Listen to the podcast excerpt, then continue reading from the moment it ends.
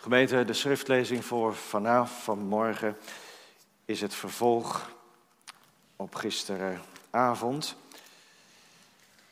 Hebreeën 12. De tekst voor de preek is het vervolg. We lezen hetzelfde schriftgedeelte als gisteravond. Hebreeën 12 vanaf vers 18 tot 29 opnieuw. Waar we beginnen bij die verwijzing naar de gebeurtenissen bij de wetgeving in de woestijn, de Sinaï. Maar nu is het anders, want u bent niet tot een tastbare berg genaderd en tot een brandend vuur, tot donkerheid, duisternis en stormwind, tot bazuingeschal en het geluid van woorden. Zij die dat hoorden smeekten dat het woord niet meer tot hen gericht zou worden, want zij konden wat hun bevolen werd niet verdragen. Zelfs als een dier de berg aanraakt, zal het gestenigd of met een pijl doorschoten worden. En wat ze zagen was zo verschrikkelijk dat Mozes zei: Ik ben zeer bevreesd en sta te beven. Maar u bent genade tot de berg Sion en tot de stad van de levende God, tot het hemelse Jeruzalem en tot tienduizendtallen van engelen, tot een feestelijke vergadering en de gemeente van de eerstgeborenen die in de hemelen opgeschreven zijn, en tot God de rechter over allen, en tot de geesten van de rechtvaardigen die tot volmaaktheid zijn gekomen. En tot de middelaar van het nieuwe verbond, Jezus, en tot het bloed van de besprenging dat van betere dingen spreekt dan dat van Abel. Let er dan op dat u hem die spreekt niet verwerpt. Want als zij niet zijn ontkomen die hem verwierpen, die op aarde aanwijzingen van God deed horen, veel meer zullen wij niet ontkomen als wij ons afkeren van hem die vanuit de hemelen spreekt. Zijn stem bracht in de tijd de aarde aan het wankelen, nu echter heeft hij openlijk verkondigd, nog eenmaal zal ik niet alleen de aarde, maar ook de hemel doen beven. Dit nog eenmaal duidt op de verandering van de dingen die kunnen wankelen, als van dingen die gemaakt zijn, opdat de dingen die onwankelbaar zijn, zouden blijven. Laten wij daarom, omdat wij een onwankelbaar koninkrijk ontvangen, aan de genade vasthouden en daardoor God dienen op een hem welgevallige wijze met ontzag en eerbied. Want onze God is een verterend vuur. We gaan met elkaar zingen nu het gebed des Heren, het derde en het negende vers, die beide betrekking hebben op de komst van het koninkrijk van God. Uw koninkrijk komt toch, o Heer. En het negende, want uw is het koninkrijk, o Heer. Uw is de kracht, uw is al de eer. 3 en 9 van het gebed des Música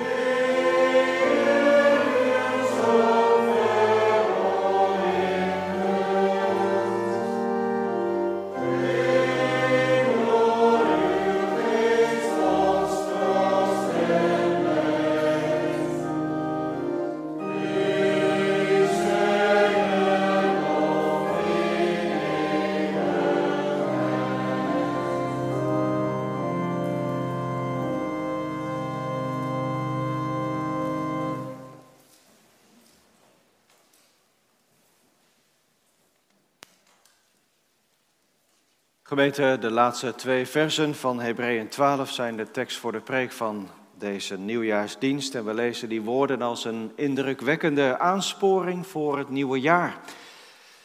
Laten wij daarom, omdat wij een onwankelbaar koninkrijk ontvangen, aan de genade vasthouden en daardoor God dienen op een hem welgevallige wijze met ontzag en eerbied. Want onze God is een verterend vuur. Een indrukwekkende aansporing voor het nieuwe jaar. Die is gericht op het koninkrijk. Dat is het eerste punt van de preek. Om dankbaar te leven.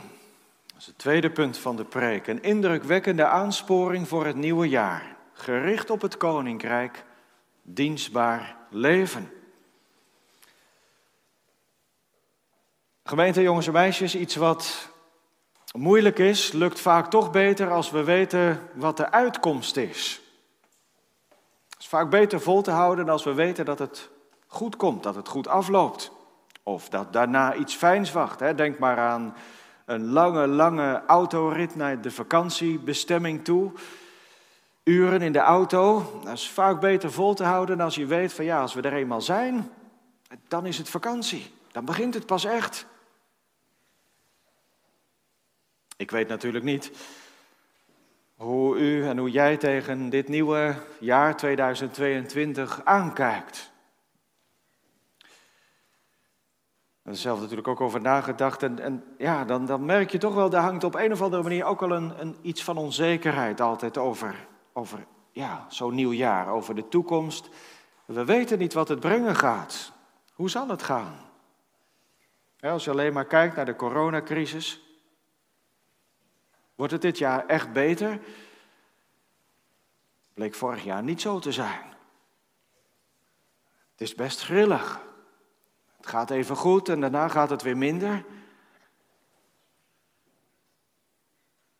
Nieuw kabinet treedt aan. Wat gaat dat betekenen voor ons als christenen in Nederland? Wordt het beter?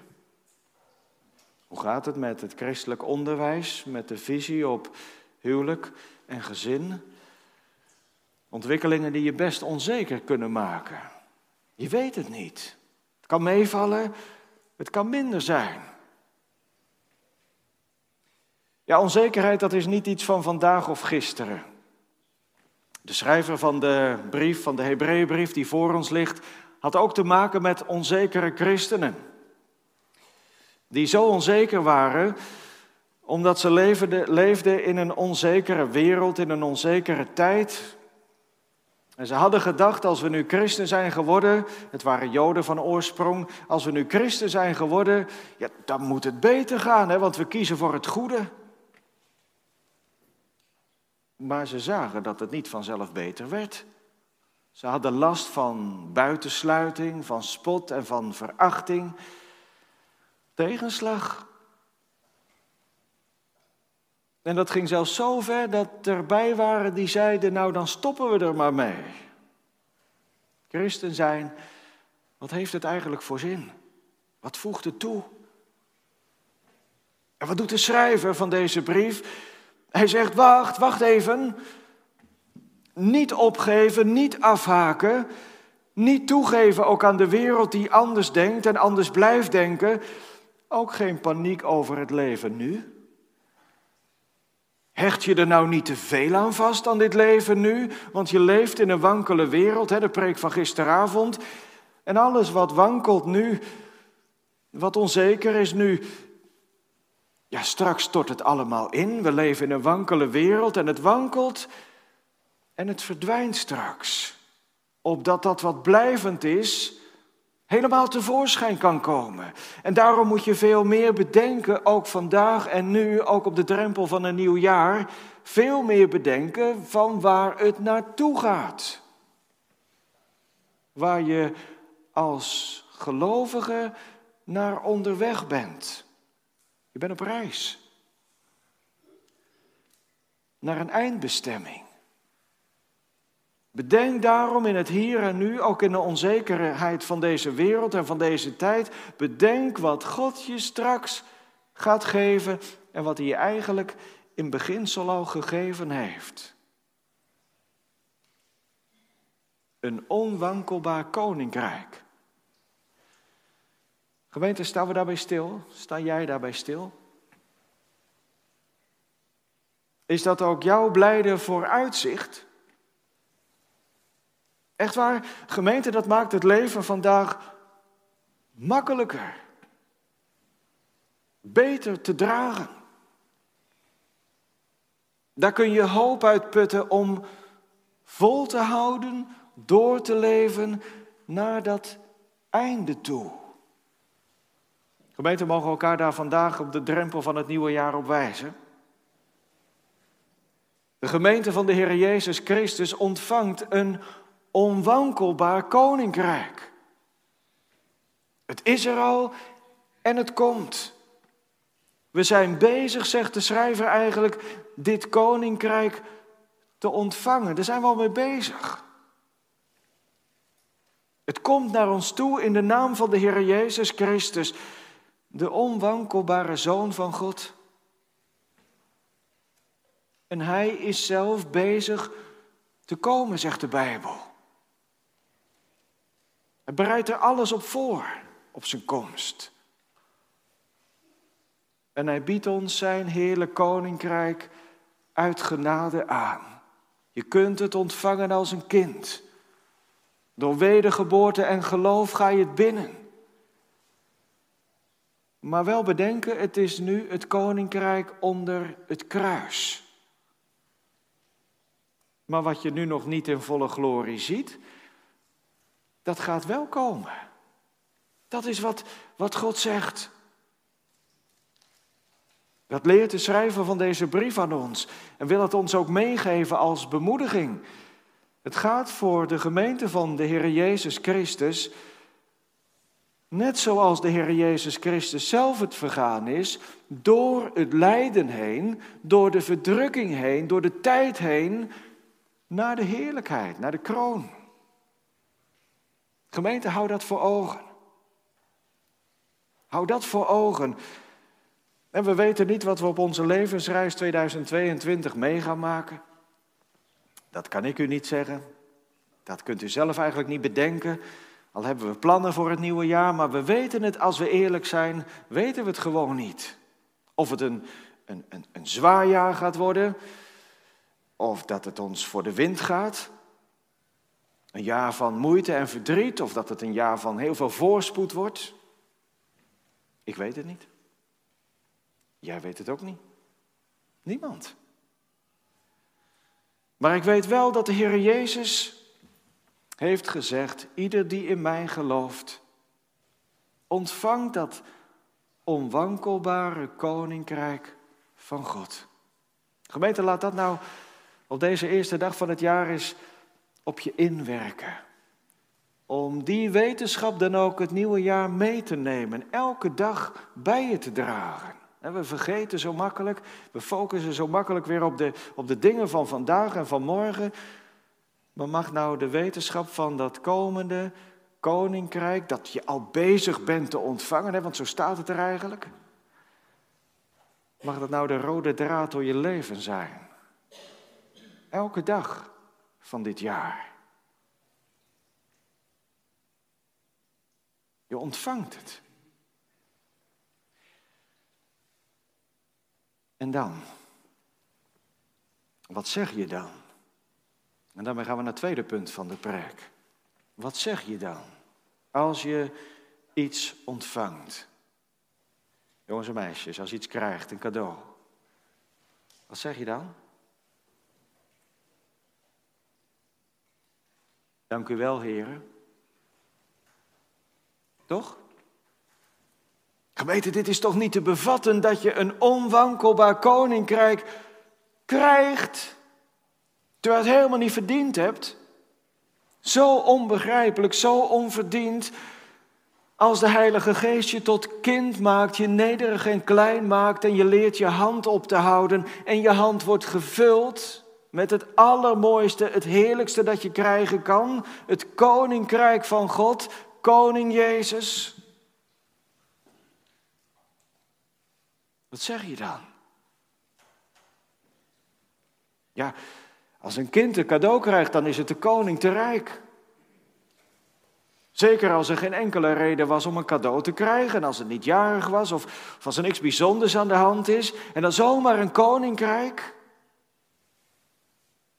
Zou je dan als, als zondig mens, die door de geest tot kind gemaakt is, ook niet de koning te rijk zijn? Letterlijk. Als je het koninkrijk van God ontvangt, voor niks. Ik moest wel even aan denken, weet u wat het verschil is vaak tussen kinderen en grote mensen als ze wat krijgen? Grote mensen hebben geleerd, dat gaat soms bijna automatisch, die hebben geleerd in de loop van de tijd om netjes dank u wel te zeggen. En dan bekijken ze het cadeau. En dan zetten ze het bij de stapel neer van andere cadeaus. En heel vaak vergeten ze het, want ze hebben al zoveel. Dat is met een kind heel vaak anders. Als een kind een cadeau geeft, dan vergeet een kind heel vaak om dankjewel te zeggen. Maar even later zie je aan de manier waarop het met het cadeau aan het spelen is, hoe dankbaar en blij het ermee is. Gemeente, heeft u het koninkrijk van God ontvangen als een kind? Of als een groot mens?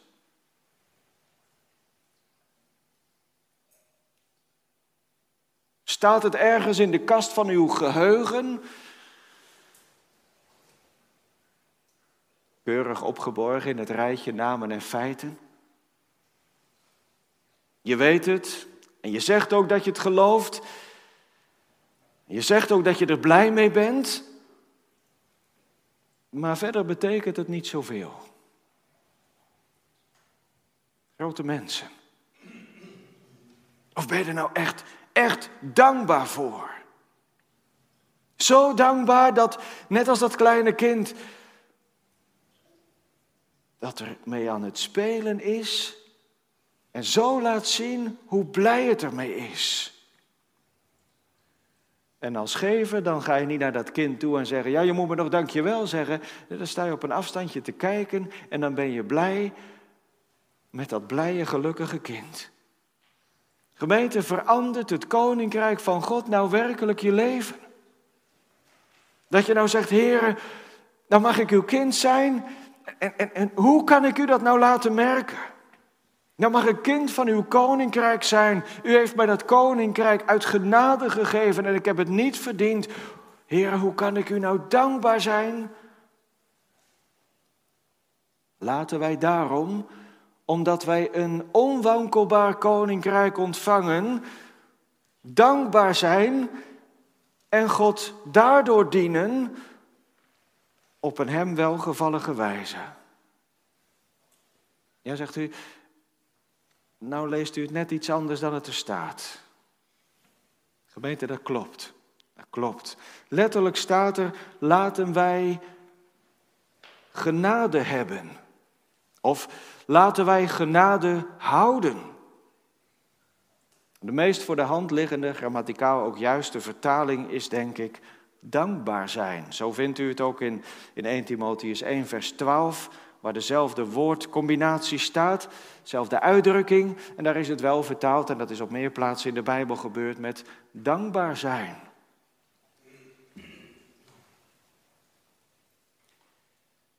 Op zich is het natuurlijk een prachtige gedachte, hè? als we dat laten staan zoals het. En ik, verbaas me er een beetje over dat en de Statenvertaling en de HSV, die heeft het nog wat minder eh, beperkt vertaald zeg maar, dan, dan de Statenvertaling dat deed. Die zette nog het een en ander tussen haken om te laten zien dat er toch wel wat aan de hand is hier. Maar SV doet dat niet. Op zich is de gedachte, laten we de genade vasthouden, ook een mooie gedachte. Al zeg ik er wel meteen bij, ja, maar daar heb je toch ook, ook genade voor nodig. Om genade vast te houden, dat, dat, dat, daar heb je toch genade voor nodig, de Heilige Geest voor nodig. En dan zou de schrijver zeggen, ja, die genade die kun je krijgen. Als we terug zouden kijken naar Hebreeën 4, vers 16, dan spoort hij die Hebreeën juist aan. Laten wij nou met vrijmoedigheid toegaan tot de troon van de genade. Dat is het, hè, gemeente. Hoe ga je nou 2022 in? Met genade toch? En, en hoe kom je daar nou aan aan genade? Door met vrijmoedigheid naar de troon van de genade te gaan. Daar krijg je het. Daar bij die genadetroon waar de Heer Jezus de toegang toe geopend heeft en, en Hij is in die troon, daar vind je barmhartigheid. Vanuit die troon ontvang je genade. Om geholpen te worden op het juiste tijdstip. En wie helpt je dan, die grote hoge priester die de hemelen is doorgegaan? En die nu zit aan de rechterhand van God, onze Heer Jezus Christus. En genade, dat is niet een kwestie, dat, dat voelt u ook wel aan hopelijk, dat is niet een kwestie van, van zelf vasthouden, tot mislukken gedoemd. Ook niet een kwestie van zo hard mogelijk je best doen, gaat mis. Nee, dat is genade, dat is leven van, van de grote hoge priester zelf. Leven van wat de Heer Jezus Christus voor ons en in onze plaats gedaan heeft. Die, die medelijdende, die biddende hoge priester, die met zijn offer steeds tussentreedt bij de Vader in de troon. En dat is ook niet een kwestie van één keer genade nodig hebben om tot geloof te komen. En dan moet je het in 2022, als je gelooft, moet je het allemaal verder zelf doen. En, en zien dat je die genade zelf vasthoudt. Nee, gemeente. Elk moment van de dag van ons leven en ook van het jaar 2022 hebben we die genade van de Heer Jezus Christus nodig. Die grote hoge priester nodig. Alleen maar leven van Hem. Blijven bij de genade van God. Maar nogmaals gemeente, ik denk dat het taalkundig beter is om te vertalen met dankbaarheid, met dankbaar zijn. Wat is nou een meer passende reactie voor iemand die het. Gemeente, daar moet je eens over nadenken. Het, het kan niet ineens in één preek. Wat is nou meer passend voor iemand die het koninkrijk van God ontvangt? En daar kun je twintig preken aan wijden om iets te vertellen over, over de heerlijkheid van dat koninkrijk van God. We hebben er al geen, geen tien jaar genoeg aan om, om de heerlijkheid van de koning van dat koninkrijk uit te drukken. En als je dat nou gaat zien, de heerlijkheid van de koning, van koning Jezus, de genade van de koning, de liefde van de koning, de trouw van de koning. En, en dat koninkrijk met die koning ontvang je uit genade. Gemeente, wat is dan een meer passende reactie voor iemand die dat koninkrijk ontvangt dan dankbaarheid aan de gever van dat koninkrijk te laten zien? Laten wij daarom dankbaar zijn. Gemeente, eigenlijk zou zo'n aansporing toch niet nodig moeten zijn. Als je nou echt ziet hoe heerlijk dat koninkrijk van God is, zou zo'n aansporing toch niet nodig moeten zijn.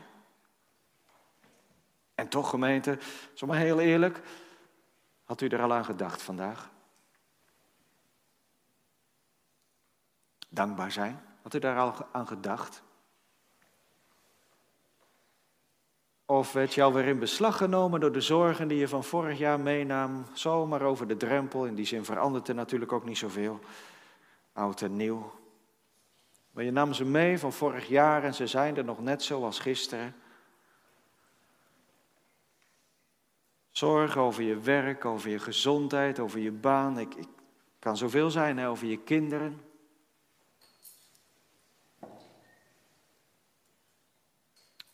Of schittert de wereld je zo toe? Dat je het helemaal niet in de gaten hebt hoe vergankelijk het allemaal is, wat hier blinkt en schittert, maar toch wankelt. En daardoor helemaal niet zo'n behoefte aan dat koninkrijk van God, dat dat helemaal je leven niet vult en dat je hart er ook helemaal niet naar uitgaat. En al helemaal niet ook naar de Heer Jezus Christus, naar de koning van dat rijk. En dan leg ik ook even de vraag neer, hoor je er dan wel bij, bij dat koninkrijk? Heb je het dan wel gekregen? Gemeente, wie echt dankbaar is, wie de waarde ervan ziet, die laat het toch ook zien? Hoe dan? Door dank u wel te zeggen? Ja, dat denk ik zeker. Het is goed om onze dankbaarheid ook, ook onder woorden te brengen in onze gebeden, maar ook met onze lofpsalmen, onze lofliederen, de Heer, de lof en de dank toe te zingen. Gebruik daar ook woorden voor, gemeente, om je dankbaarheid te uiten naar de Heer die zoveel goeds aan ons geeft. Dag op dag overlaat Hij ons met geschenken. Maar echte dankbaarheid, dat kan niet blijven bij woorden alleen. Hè? Iemand die het cadeau ontvangt en heel netjes dankjewel zegt en het vervolgens in de hoek van een kas neerzet en het vergeet. Dat, dat is geen dankbaarheid, toch? Dankbaarheid, dat laat je ook zien. Doordat je het cadeau aanneemt, doordat je het uitpakt, doordat je ernaar kijkt, doordat je het in handen neemt, doordat je het gaat gebruiken en bewonderen. Laten wij daarom dankbaar zijn en daardoor, door middel van die dankbaarheid, God dienen op een wijze die Hem welgevallig is. God dienen. En dan gebruikt de schrijver hier niet het bekende woordje diaconia, dienen. Maar gebruikt hier een woordje dat, dat betrekking heeft op de offerdienst in het Oude Testament. Zoals de, de priesters in de tempel, in de tabernakel, de Heer dienden met hun offers, met hun gebeden. En met hun hele leven toegewijd waren aan God. Dat woord gebruikte hier. Laten wij dankbaar zijn en zo God dienen. Gemeente dus een leven leiden in alles. Dankbaar leven, een toegewijd leven aan de koning van het koninkrijk. En dan natuurlijk niet om iets terug te betalen. Nee, het is een genadegeschenk, dat koninkrijk van God. Maar dus om je dankbaarheid te laten zien. En Petrus die schrijft dat met bijna dezelfde soorten woorden. Hij schrijft in zijn eerste brief, schrijft hij, wij zijn een heilig priesterschap. Om geestelijke offers te brengen die God welgevallig zijn door Jezus Christus. En een stukje verderop in diezelfde brief, in hetzelfde hoofdstuk, maar u bent een uitverkoren geslacht. Een koninklijk priesterschap een heilig volk. Een volk dat God zich ten eigendom maakte. Met welk doel? Om goed te spreken van Hem die u geroepen heeft en getrokken heeft uit de duisternis tot zijn licht. Je ontvangt het koninkrijk van de koning om goed te gaan spreken van de koning. Om goed te leven voor de koning je eigen leven als een dankoffer gewijd aan Hem. Laten wij uit dankbaarheid God dienen. Ja, ik dien God op mijn manier. Doe jij het op de jouwe? Gemeente, kan dat? Ik hoor dat mensen wel eens zeggen, ik doe het zo. Ik dien God op mijn manier. Geef me daar ook de ruimte voor. Doe jij het zo, dat laat ik jou ook in vrij. De Hebreeënbriefschrijver die zegt, laten wij God dienen op een manier die hem welgevallig is. Die God behaagt. Gemeente, wat kun je dan beter doen dan ook in 2022 om die manier te weten te komen? Elke dag je oor te luisteren leggen bij de woorden van de koning. Luisteren naar wat hij zegt. Gemeente, ook in 2022 zoek de stilte. En zoek in de stilte je Bijbel. En in die Bijbel naar de geopenbaarde wil van God. Om te ontdekken, en dan laat hij het je ook zien. Hoe kan ik nou God dienen op een wijze die niet mij behaagt, maar die God behaagt? En daarom verzuim je ook in 2022 de onderlinge samenkomst niet. Ben je trouw op de Bijbelkring? Mag je samen op zoek naar die geopenbaarde wil van God om samen met anderen, hè, want alleen, dat is ook maar zo alleen, om samen met anderen, voor zover het kan in deze tijd, samen met anderen de wil van God voor jouw leven te ontdekken. Samen met al de heiligen zoek je naar de volmaakte wil van God. Heren, hoe kan ik, hoe kunnen wij als gemeente u dienen op uw manier? Gemeente, en wie dat koninkrijk ontvangen heeft, die wil God toch dienen met het zicht op het komende koninkrijk van God. Dat betekent toch ook dat we niet al te veel onze blik op het hier en nu richten. Niet op de zorgen die er zijn. Dan moeten we er serieus mee omgaan. Niet op de gezondheid van ons leven, dan moeten we daar ook serieus mee omgaan. Niet op de rijkdom van deze wereld, dan moeten we veel minder serieus mee omgaan. Niet te vast aan deze wankele wereld, maar meer en meer ons, en dat ook door het woord en door de geest, ons richten op dat komende rijk van God. Ja, zegt iemand, maar die laatste woorden dan, hè? Moet dat nou echt zo? Angstig? Is dat de goede toonzetting voor, voor een nieuw jaar? Moet je daar nou mee beginnen? En gemeente, nee, dat is niet de bedoeling. Angst. Dat is ook niet wat er staat. En, en dan denk je nog maar even aan wat we aan het begin van de dienst hebben gezongen. De lofzang van Zacharias, vers 3. Opdat wij verlost zijnde hem dienen zouden zonder vrees. Angst is niet de bedoeling. Dat is ook de slechtste raadgever die bestaat.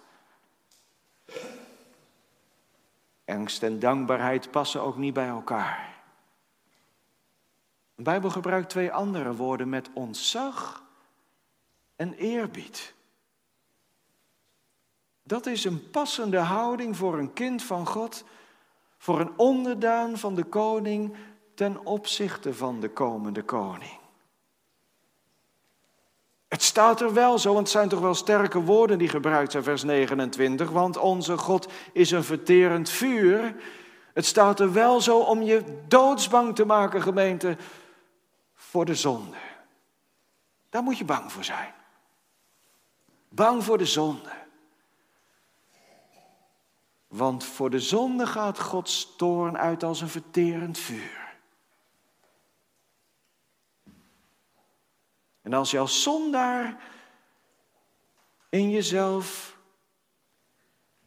dicht bij de Heer Jezus zult blijven, hoef je voor dat vuur van Gods toorn niet bang te zijn. Het is de koning van het koninkrijk, gekomen om ons van die toorn en van die vloek te bevrijden. En als er dan één is geweest, gemeente, die ervaren heeft, naar lichaam en ziel ervaren heeft, dat God een verterend vuur is, dan is het onze Heer Jezus Christus wel. Hij heeft die helse toorn van God ervaren, nedergedaald tot in de hel. Hij heeft die toorn van God over de zonde gedragen. En dat terwijl hij zelf God diende op een manier die God allermeest behaagde. En toch de toorn, toch het vuur van Gods toorn. Dat verterende vuur. Hij bezweek eronder aan het kruis. Maar zo verdiende hij nou het koninkrijk, opdat wij hem zullen dienen zonder vrees. Wel met ontzag en eerbied. Dankzij hem is de toegang tot de troon van de genade open. Dankzij Hem die de geest verworven heeft, kunnen wij een leven leiden dat God behaagt. En gemeente, als je dat nou ontvangt,